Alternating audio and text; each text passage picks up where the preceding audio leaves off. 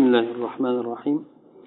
الحمد لله رب العالمين الصلاة والسلام على أشرف الأنبياء والمرسلين نبينا محمد وعلى آله وصحبه أجمعين. أما بعد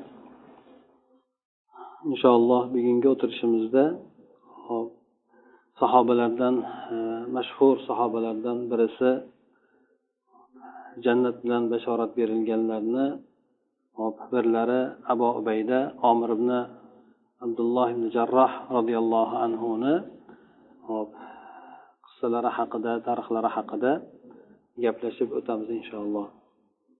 Bu abu ubayda omir ibn jarroh roziyallohu anhu payg'ambar sollallohu alayhi vasallamdan tomonlaridan jannat bilan bashorat berilgan o'nta farishta o'nta sahobalarni biridir endi.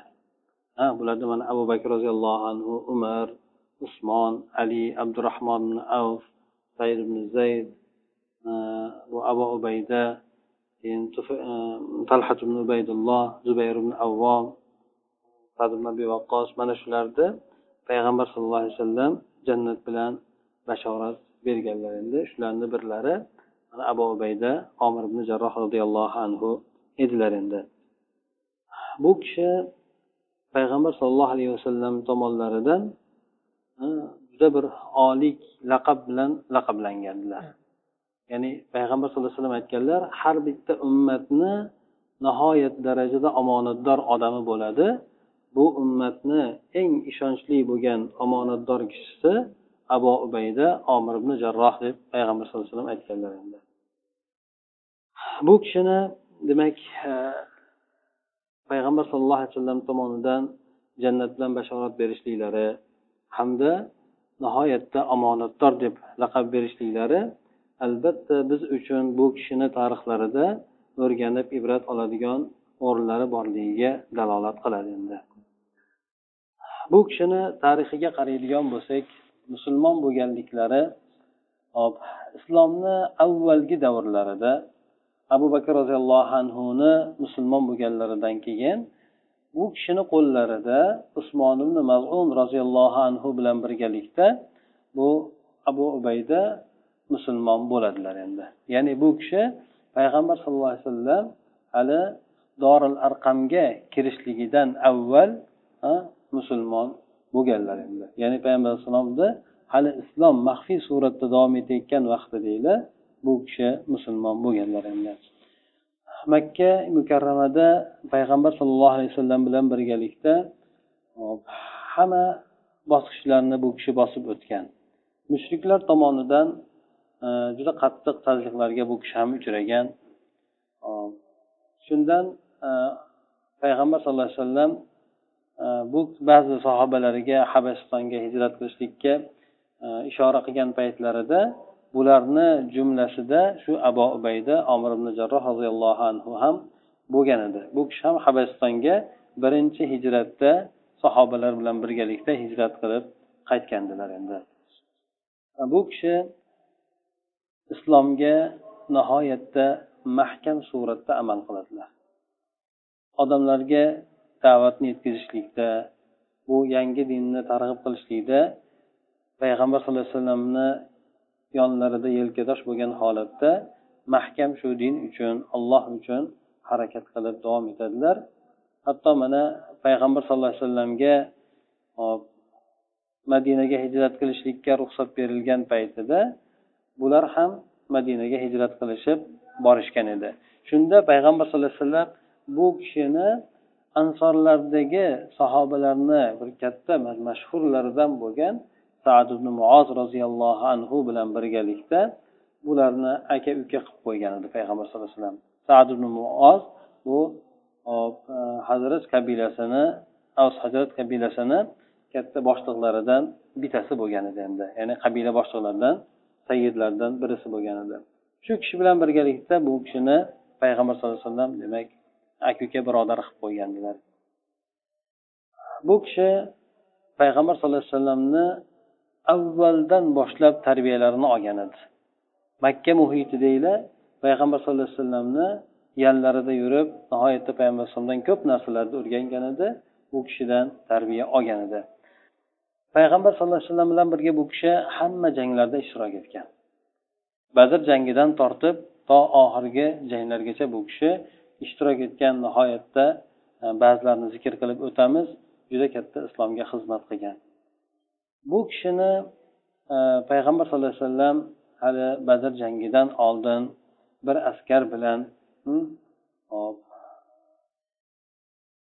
dushman tomonga karvonni olishlikka chiqargan ba'zi chiqarib turardi. Shuni chiqargan paytida hop uzot salosil degan e, sariya askar bo'lgan. Mana shu bilan chiqargan paytida hop bularga payg'ambar sallallohu alayhi vasallam baytul moldan bir xaltagina xurmo beradi xolos. Ya'ni baytul molda boshqa narsa bo'lmaydi. Bor budi shu bir xalta xurmo bo'ladi. Shu uch yuzta askarga payg'ambar sallallohu alayhi vasallam mana shu xurmo bir xaltadagi xurmoni ularga ozuqa qilib beradi endi. Shuni olib bular yo'lga chiqishadi. Hatto mana boshida sal e, yarim hovuch yarim hovuchdan qilib olishadigan bo'lsa ham tugay deb qolgan paytida u bittadan xurmoga o'tishgan. Har kuni bittadan xurmo berilar edi o'sha xurmoni kechgacha yemasdan so'rishib shu bilan ular tirikchilik qilishgan edi endi. Ya'ni musulmonlarni e, holi boshlarida shunaqangi bir qiyinchilik yo'qchilik paytlari bo'lib o'tgan edi endi. Lekin shunga qaramasdan bular islomni buyruqlarini e, mukammal suratda ado etishlikka harakat qilishar edi ular mana shu jangga chiqishgan vaqtlarida mana aytib o'tdik xurmo bir xalta xurmo bordi bu ham tugayotganda bir donadan xurmoni berardi. Bu bir donadan berilgan xurmo mujohid uchun ya'ni jihodga chiqqan mujohid jihod qiladigan odam uchun demak bir xurmogina shu ozuqa bo'lgan edi xolos endi. Bular shunda bir muddat bir oyga yaqin muddat turishadi. Ana undan keyin alloh taolo bular sabr qilganni evaziga katta bir ulkan bir e, bir ne'matni bir ularga rizqni keltirib beradiki bu hop kit bo'ladi. Bu kitni nimani dengizni qirg'oqiga alloh taolo chiqarib tashlagan bo'ladi. Bular kelib o'sha kitdan nihoyatda ulkan kit bo'ladi.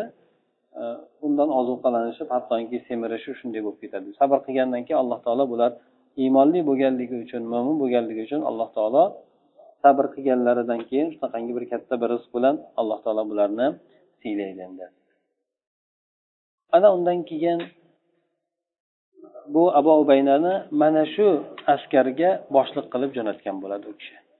Abu ubayda mana shu askarga boshliq qilib jo'natilgan bo'ladi.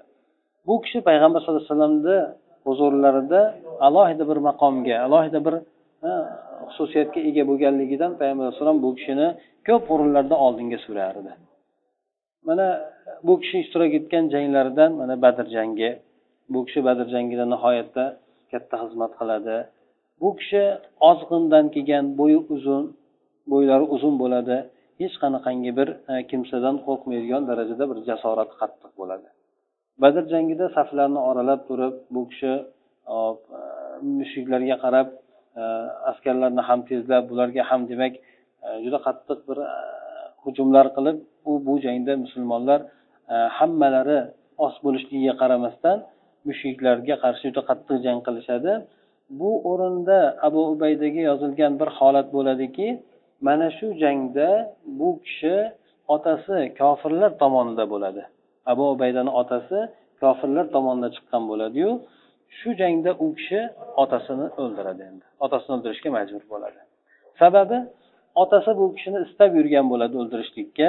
Bu kishi qochaveradi otasidan qochaveradi oxiri iloji bo'lmagan o'rinda demak qilich bilan urib otasini e, o'ldiradi. Mana shu odam demak bu nafaqat otasini o'ldirishligi balki otasini shaxsiyatidagi bo'lgan shirkni o'ldiradi. Alloh taolo bu kishi haqida e, mujodala surasidagi qadsamiyalloh surasidagi la tajidu qawman yu'minuna billahi wal yawmil akhir yuwadduna man haddallohu va rasulahu walau kanu aba'ahum. Ya'ni oyatni tushiradi. Siz payg'ambar sallallohu alayhi vasallamga alloh taolo aytadiki siz ollohga va oxirat kuniga iymon keltirgan odamlarni bironta bir qavmni ollohga rasuliga dushmanlik qiladigan odamlarni o'zlariga do'st qo'ygan holatda topmaysiz. Garchi bular otalari bo'lsa ham dedi. Otasi bo'lib turib olloh va rasuliga qarshi bo'lgan taqdirda dushman bo'ladigan bo'lsa ollohga iymon keltirgan kimsalar garchi otalari bo'lsa ham bu otalarini do'st tutmaydilar deb alloh taolo bu kishini qilgan ishini oqlab turib oyatni nozil qildi bu kishi shunchalik otasini ro'para bo'lishdan qochuvdi lekin otasi o'zi shu kishini har poylab yurib shu yo'liga chiqaverganidan oxiri majbur bo'ldi. Shu qilich ko'tarib urushlikka endi lekin bu kishini otasi demak o'sha shirkda o'lib ketdi allohga dushman bo'lgan holatda o'ldi endi bu kishini keyin mana uhud jangi bo'ladi.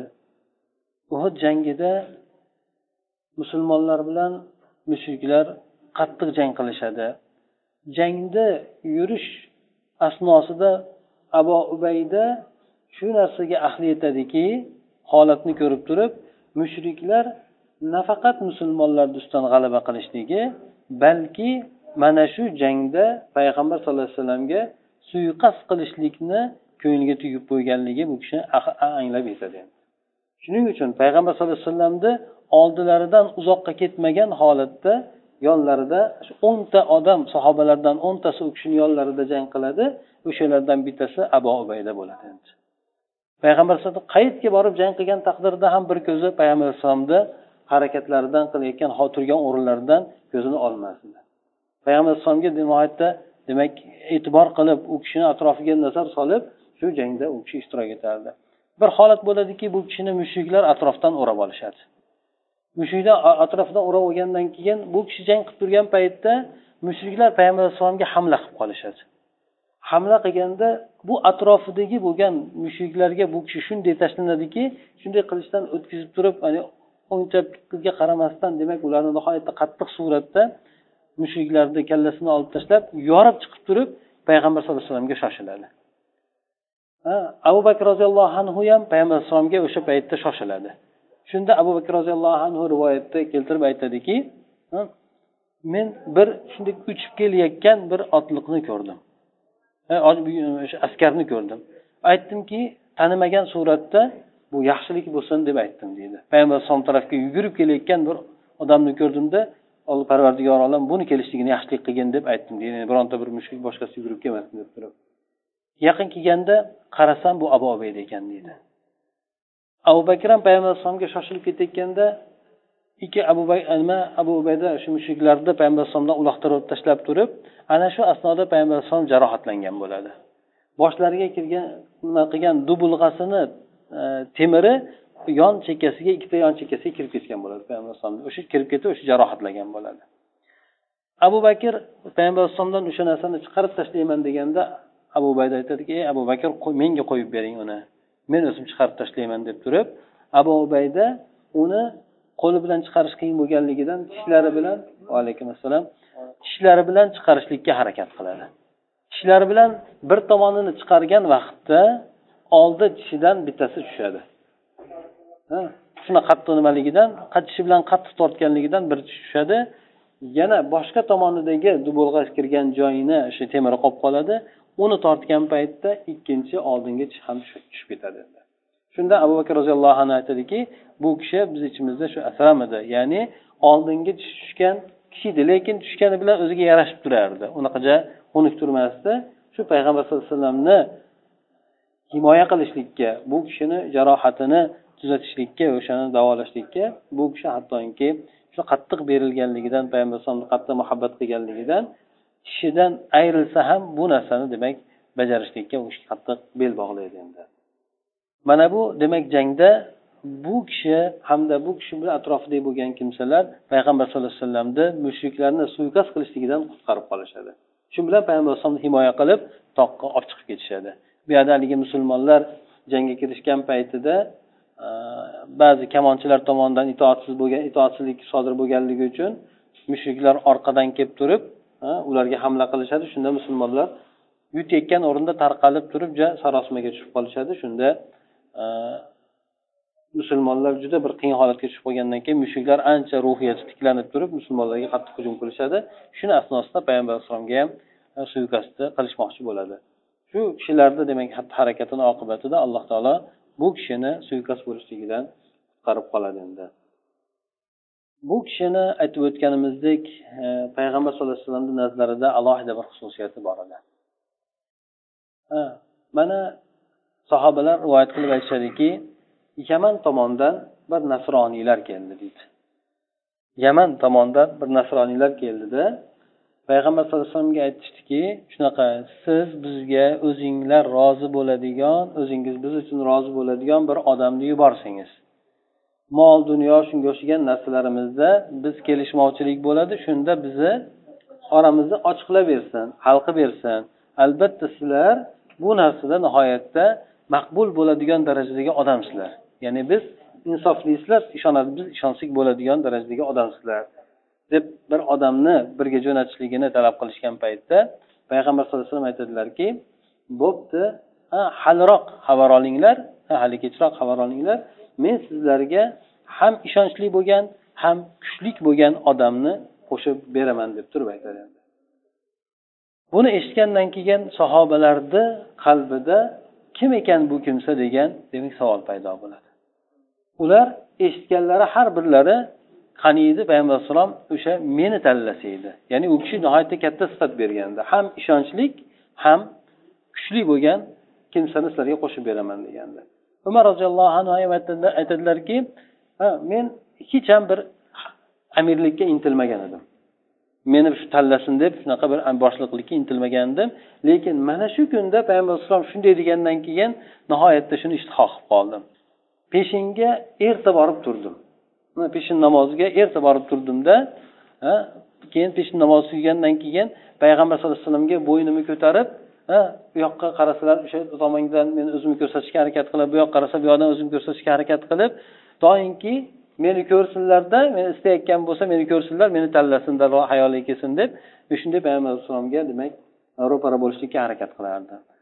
Shunda payg'ambar alayhisalom aytdilarki abo ubayda qayerda? deb so'radilar ha keyin ha menman ey rasululloh deganda turgin o'rningdan deb payg'ambar alayhisalom u kishini aytdilarda keyin keyin har bir ummatni ishonchli bo'lgan odami bor. Bu ummatni eng ishonchli bo'lgan odami abu ubaydadir deb turib bu kishini ularga qo'shib beradi. Bu narsa demak payg'ambar alayhissalomni islomni ollohni nazdida bu kishini juda katta bir martabasi borligiga bu narsa ishoradir. Payg'ambar sallallohu alayhi vasallam tomonidan bu narsa guvohlik edi endi. Bu kishini yana hayotiga qaraydigan bo'lsak payg'ambar alayhisalom nafaqat bu yamanliklarga kelganda qo'shib berishligi balki najrondan kelgan odamlar bizga sunnatni qur'onni ta'lim beradigan bir shunday bir yaxshi bir ishonchli bo'lgan odamni bizga qo'shib bersangiz deganda shunda ham abu ubaydani qo'llarini ushlab bularga qo'shib bergan.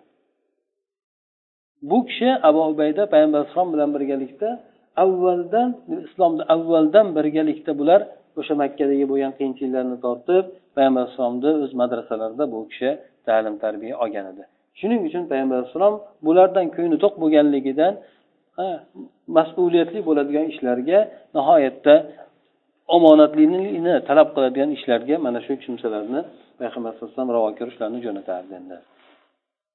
Bu kishi payg'ambar sallallohu alayhi vasallamni davrlarida ham nihoyatda omonatdor ishonchli bo'lib hayot kechirdilar. Payg'ambar sallallohu alayhi vasallamdan keyingi davrlarda ham u kishi vafot etib ketgandan keyin ham bu kishi nihoyat darajada ishonchni payg'ambar alayhissalom bergan guvohliklarini ishonchini qozonib hayot kechirdilar endi. Mana abu bakr roziyallohu anhuni davrlarida ham umar roziyallohu anhu davrlarida ham shunday bir oliy mavqelarda bu kishi davom etdi. Mana umar roziyallohu anhuni davriga kelgan paytlarida umar roziyallohu anhu abu bakr xalifa bo'lib turgan paytda katta askarni qo'mondonligi holid ibn valid roziyallohu anhuni qo'lida bo'lib turgan edi. Holid ibn valid demak butun islom askarlarini amiri katta qo'mondoni edi. Umar roziyallohu anhu xalifalikka o'tirishligi bilan holid ibn validni qo'mondonlikdan chetlashtiradida o'rniga abu ubaydani tayin qiladi. Buni sabablari bor. Ba'zi olimlar sabablarini aytishadiki chunki holid ibn valid shunday bir sarkarda bo'ladiki qaysi bir jangga qo'shin bilan kiradigan bo'lsa albatta g'alaba qiladigan bo'ladi. Ha shunaqangi bir alloh taolo bu kishiga taktik quvvatlarni bergan bo'ladi. Umar roziyallohu anhu qo'rqqan joylari demak qaysi bir jangga kirsak albatta yutamiz ekan degan musulmonlarni qalbida e'tiqod bo'lib qolishligidan qo'rqqan edi. Allohga suyanmasdan xolid bo'lsanglar yutamiz ekan degan narsa bo'lishligidan bu kishi qo'rqqanligidan xolid validni askarlikdan qo'mondonlikdan oladida o'rniga abu ubaydani qo'mondon qilib saylaydilar hamda shuni maktub orqali abu ubaydaga yuboradi. Ya'ni xolid valid chetlatildi o'rniga siz amir qilib saylandingiz deb abu ubaydaga maktub yo'llaydi. Ana o'sha paytda bular abu ubayda xolid validni qo'mondonligi ostida katta bir islom uchun janglarda bittasini boshdan kechirishayotgan bo'ladi. Qattiq bir dushmanga jang qilishayotgan bo'ladi. Mana shu yerda abu ubaydaga xat kelib qo'liga tushgandan keyin bu xatni yashirib olib qo'yadi. Hattoki bu kishi bu xolidni shijoatini shu jangdagi boshqaruv shu narsalarini bu kishi sindirishlikni xohlamaydi. Ya'ni aytadigan bo'lsaki siz tushing endi men bo'ldim boshliq deydigan bo'lsa xolidni o'ziga yarasha qo'mondonlik mavqesi bo'lgan strategiyalari boshqalari bo'lgan shu narsalarni saqlab qolib jang oxiriga yetgunigacha demak bu kishi xatni ko'rsatmasdan yashirib olib qo'yadi. Bu jangda musulmonlar g'alaba qilishadi. Ha bu katta bir jang bo'ladi. Allohu alam bu forslarga qarshimikin jang bo'layotgan bo'ladi bunda musulmonlar qattiq bir qiyin jangda g'alaba qilishadi. Shunda g'alab jang tugagandan keyin abu ubayda xolid validga o'sha maktubni ko'rsatadi. Ha shu u kishi qo'mondonlikdan bo'shaganligiyu o'zi saylanganligi to'g'risida o'sha maktubni ko'rsatadi. Hamda shu maktub kelgan edi deb aytganda ey abu ubayda nima uchun kelgan vaqtingizda ko'rsatolmadingiz menga? Sizga men joyimni bo'shatib bergan bo'lardim. Deganda u kishi aytadi men sizni shiddatingizni sindirib qo'yishlikni bo'lib qo'yishlikni xohlamadim. Biz ha, bu dunyo maqsadi uchun dunyo uchun boshliqlik uchun jihod qilayotganimiz yo'qu biz ha, bu narsani demak biz maqsad qilib olganimiz yo'q edi. Shuning uchun bu qanday bo'lishidan qat'iy nazar demak men bo'lamanmi amir? Siz bo'lasizmi amir? Kim bo'lishimizdan qat'iy nazar biz buning uchun amirlikka intilib boshliq bo'lganimiz yo'q edi bu yerda deb u kishi shunday qilib javob beradilar endi. Bu kishilarni holatini qaraydigan bo'lsak boshliqlikdan bular intilishmagan balki aksincha qochishgan. Chunki shunga yarasha mas'uliyatni his qilishgan. Payg'ambar sallallohu alayhi vasallam hadislarni birida abu zar roziyallohu anhu payg'ambar alayhissalomdan so'raydi. Ey rasululloh menga ham bir omillikni viloyatni bersangiz bironta. Bironta bir boshqaruvni bersangiz deganda payg'ambar sallallohu alayhi vasallam abu zarga aytadilarki ey abu zar bu siz so'rayotgan narsa omonatdir. Mas'uliyat o'zgarishi omonatdir. Qiyomat kuni hasratu nadomatdir. Illo buni o'zini haqqi bilan oladigan odamlar bo'ladigan bo'lsa bular bundan mustasno bo'lmasa bu boshqaruv hasrat nadomat bo'ladi qiyomat kunida deb payg'ambar sallallohu alayhi vasallam bularga aytgan edi.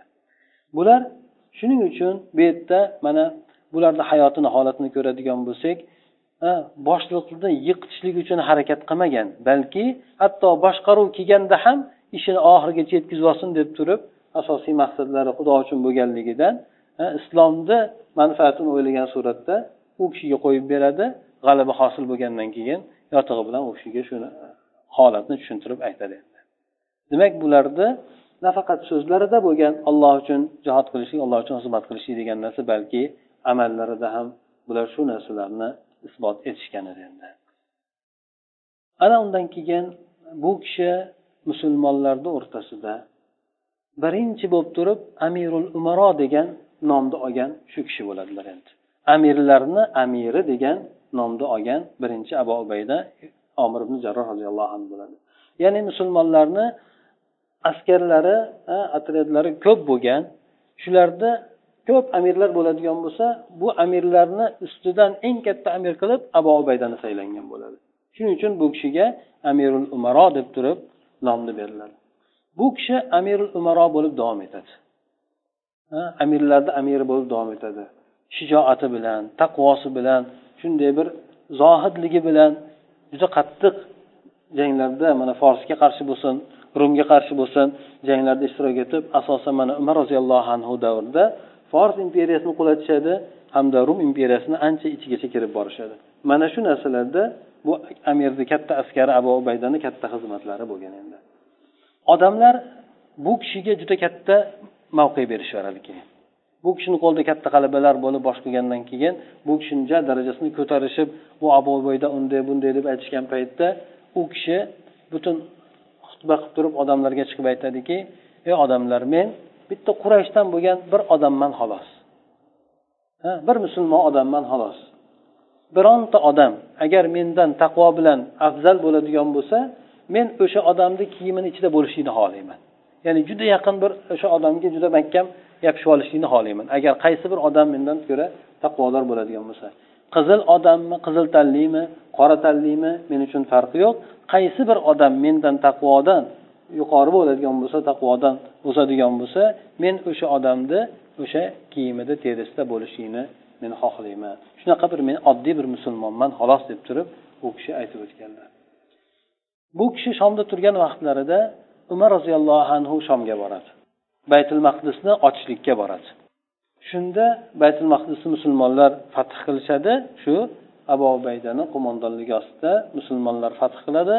Buni topshirishlikni ular umar kelsa shuni qabul qilishligini aytishadi. Umar roziyallohu anhu o'sha baytul maqdisga boradi endi o'sha masjid aqsoni qabul qilib olishlikka borgandan keyin bu kishi o'sha yerda abu obaydani ko'radi. Abu obaydani so'rab abu obaydani ko'rib nihoyatda bir biriga yaqin birodar bo'lganligidan bir biriga quchoqlashib shunday qiladida keyin keyin abu obayda shu qo'monda askar katta askarni qo'mondoni bo'lgan holatida bu kishini uylariga taklif qiladi. Ba'zi rivoyatlarda keladiki umar siznikiga boraman deganda yo menikiga bormang boshqa joyga boring deb rad etadi. Yo'q men aynan siznikiga boraman deb umarni odati bo'lgan edi.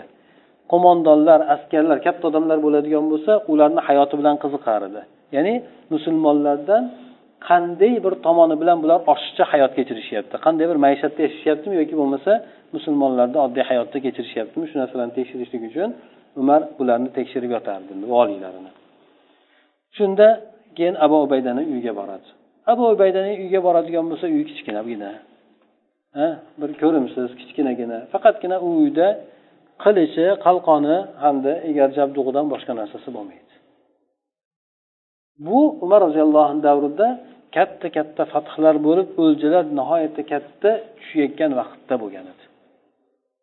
Mana shunday bo'lgan paytda bu kishini uyida hech vaqo bo'lmaydi.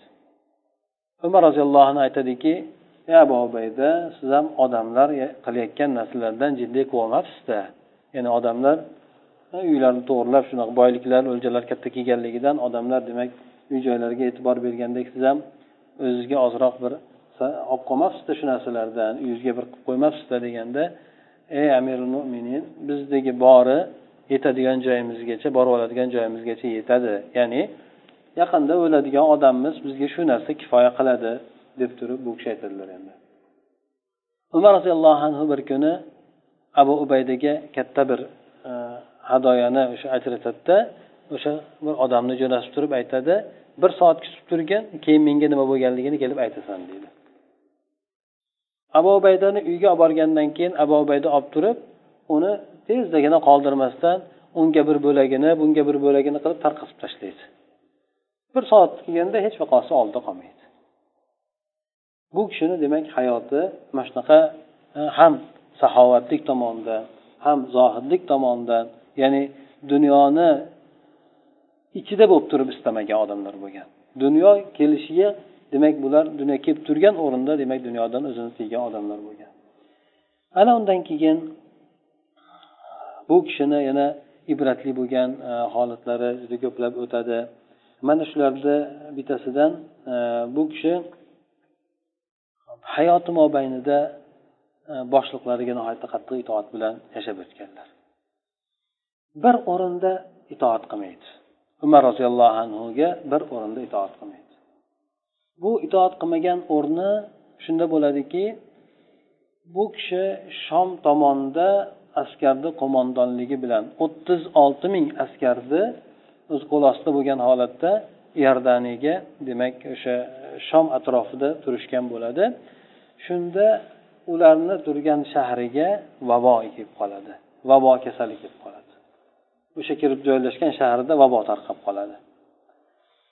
Umar roziyallohu anhu bu kishini o'sha shaharga o'sha joyga borib qolganligini eshitgandan zudlik bilan usta vabo tarqaganligini eshitganda zudlik bilan maktub yozadi. Ey abu ubayda meni sizda ishim bor. Ha meni sizda ishim bor.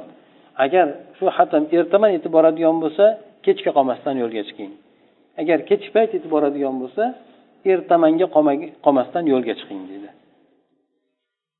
Shu xati maktub boradi. Maktub borgandan keyin abu ubayda o'sha maktubni ochib o'qiydida aytadiki o'zi ey amirul mo'minin men sizni maqsadingizni tushundim.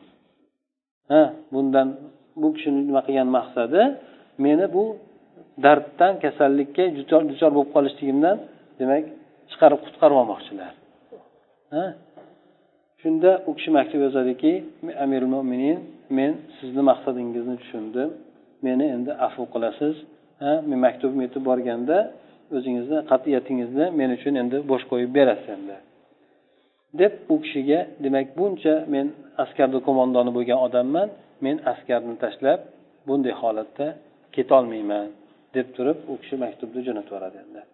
Bu kishi payg'ambar sallallohu alayhi vasallamni hadislarini biladilar shunda hadisda keladiki mo'min odamni toun um bilan vafot etishligi uning uchun shahidlik ekanligini va toun um bilan ya'ni vabo bilan inson o'ladigan bo'lsa sabr qiladigan bo'lsa bu kasallik unga shahidlikni beradi.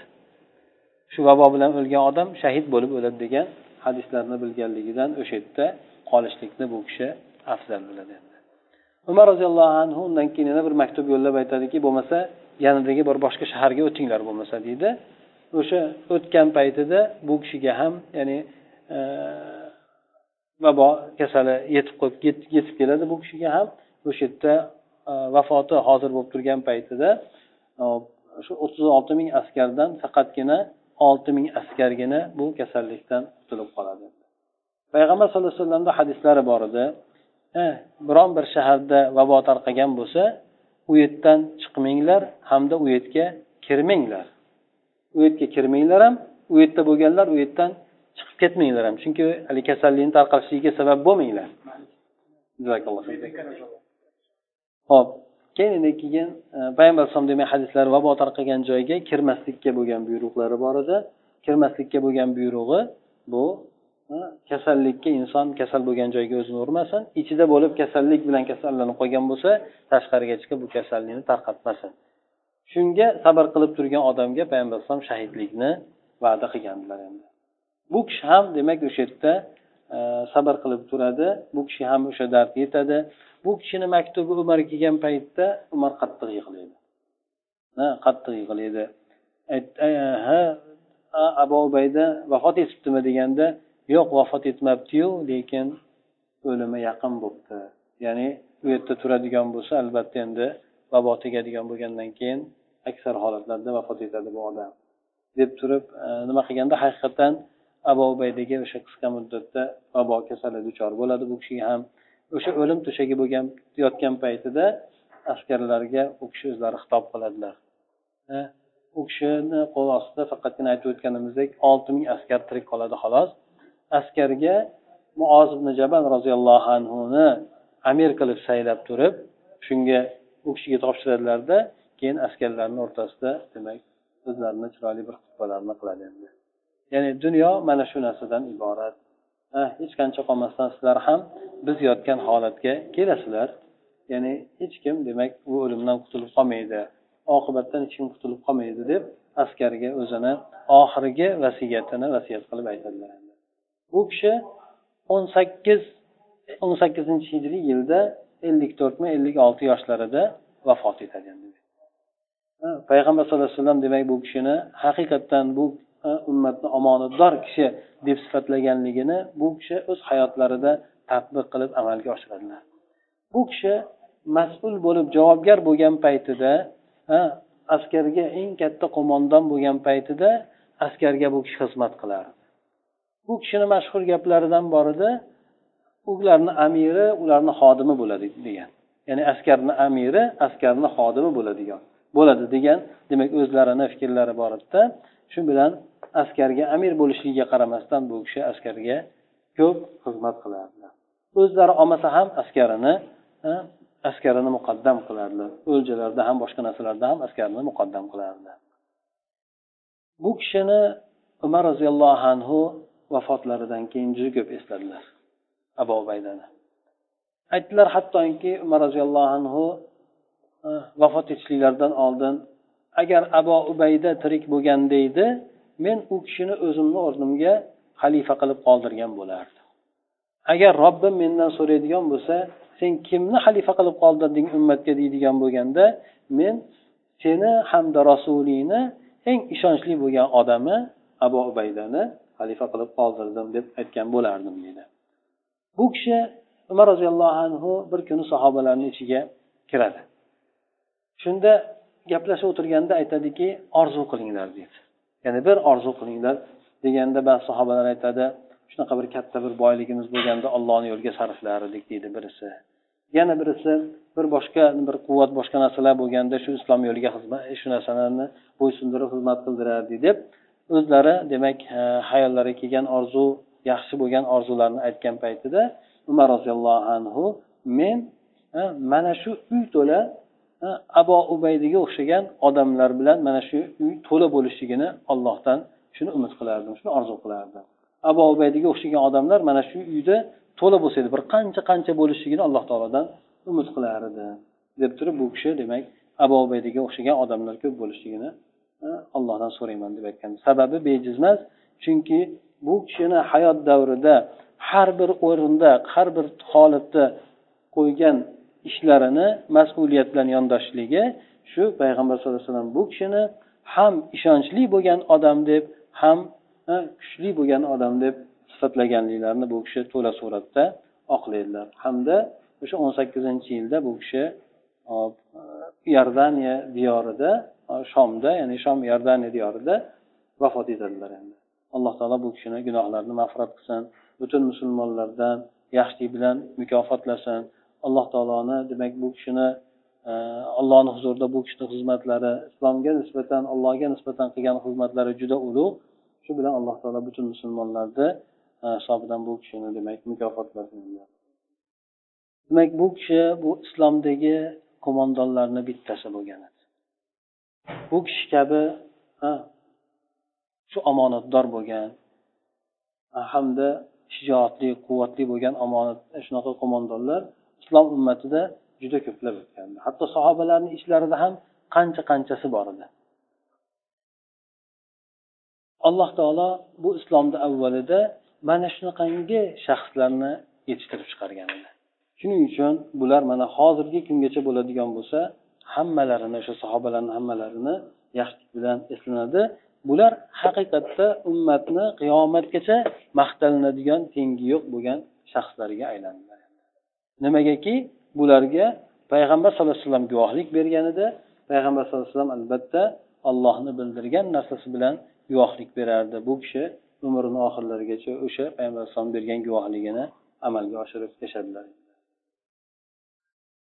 Mana e, ko'rdik e, bu kishini hayotidagi ibratli bo'lgan o'rinlarni musulmonlar qachoniki bir birlariga nisbatan qalblaridagina adovat bo'lmaydigan bo'lsa mana bu kishi askar ostida holid valid askar boshda turgan edi. Ikkalasini bir biriga nisbatan qalbida adovat degan narsa umuman bo'lmagan. Shuning uchun bu yerda men bo'lamanmi boshliq bu bo'ladimi boshliq ya'ni bir birini hech qanaqangi bir boshliq talashib kamsitmagan balki aksincha qiladigan o'rinlarni bajarolsin deb imkoniyat berib qo'ygan bu o'rinlari demak bu musulmonlarda bo'ladigan holat xolos bu narsa. Musulmonlarni ichida ham olloh uchun xolis bo'ladigan kishilarda bo'ladi xolos endi. Ana undan keyin bu kishini yana ibratli bo'lgan o'rinlaridan islom uchun bo'lgan xizmatlari payg'ambar sallallohu alayhi vasallamni qattiq himoya qilishlari jonini tikib bo'lsa ham hattoki mana payg'ambar alayhisalomga yetgan ozordan u kishini qutqarishlik uchun ozor alamdan qutqarishlik uchun. Hatto tishlari bilan bo'lsa ham temirni sug'unib hattoki bir tushgandan keyin ikkinchisiga to'xtab qolmasdan ikkinchisiga ham o'sha tishi bilan mahkam ushlab chiqargan paytda ikkinchi tishidan ham ajralishiga qaramasdan bular payg'ambar alayhissalomni nihoyatda himoya qattiq himoya qilganligi hamda u kishi uchun hattoki jonni beradigan darajaga yetib borganligi. Bu narsaga ham mana shu islom tarbiyasi bularni shu darajaga yetkazdi odamlarni bu xolislik darajasiga yetkazadigan narsa faqatgina islom bo'ladi xolos. Islomdagina inson hamma narsasidan voz kechib berishi mumkin. Avvalda bo'lgan bu narsalar lekin keyingi paytlarda odamlarda alloh uchun xolislik bo'lgan narsa kamayib zaiflashib qolganligidan dunyo muhabbati odamlarni qalblariga kirib qolganligidan aksincha bularni holatida boshliqlikni birovga surtadigan bo'lsa hozirgi paytlarda boshliq uchun demak har narsani qilishga hattoki musulmonlar ham tayyor bo'lib qolishdi. Birovni qoralashlikmi birovni hattoki tuhmatlar uyushtirishlik boshqa narsalardan ham musulmonlar demak tap tortishmay qoldi. Bu narsa demak musulmonlarni iymonlarini zaifligi qalblarini gina adovat bilan to'lib qolganligini bu narsa alomati bo'ladi endi xolos. Bularni mana bittalarini tarixini aytib o'tdik xolos. Bunda qancha qancha yana biz aytib o'tmagan qancha tomonlari bor edi. Ibrat oladigan o'rinlari juda ko'p. Bu bir shaxslar bitta shaxsgina bo'lgan xolos.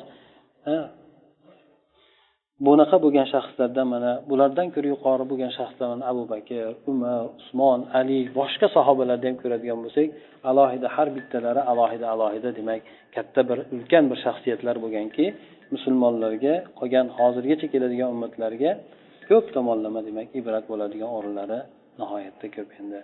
Alloh taolo bizlarni o'sha e, yaxshilarga o'zini o'xshatishlik ham insonda fazilat bo'ladi endi.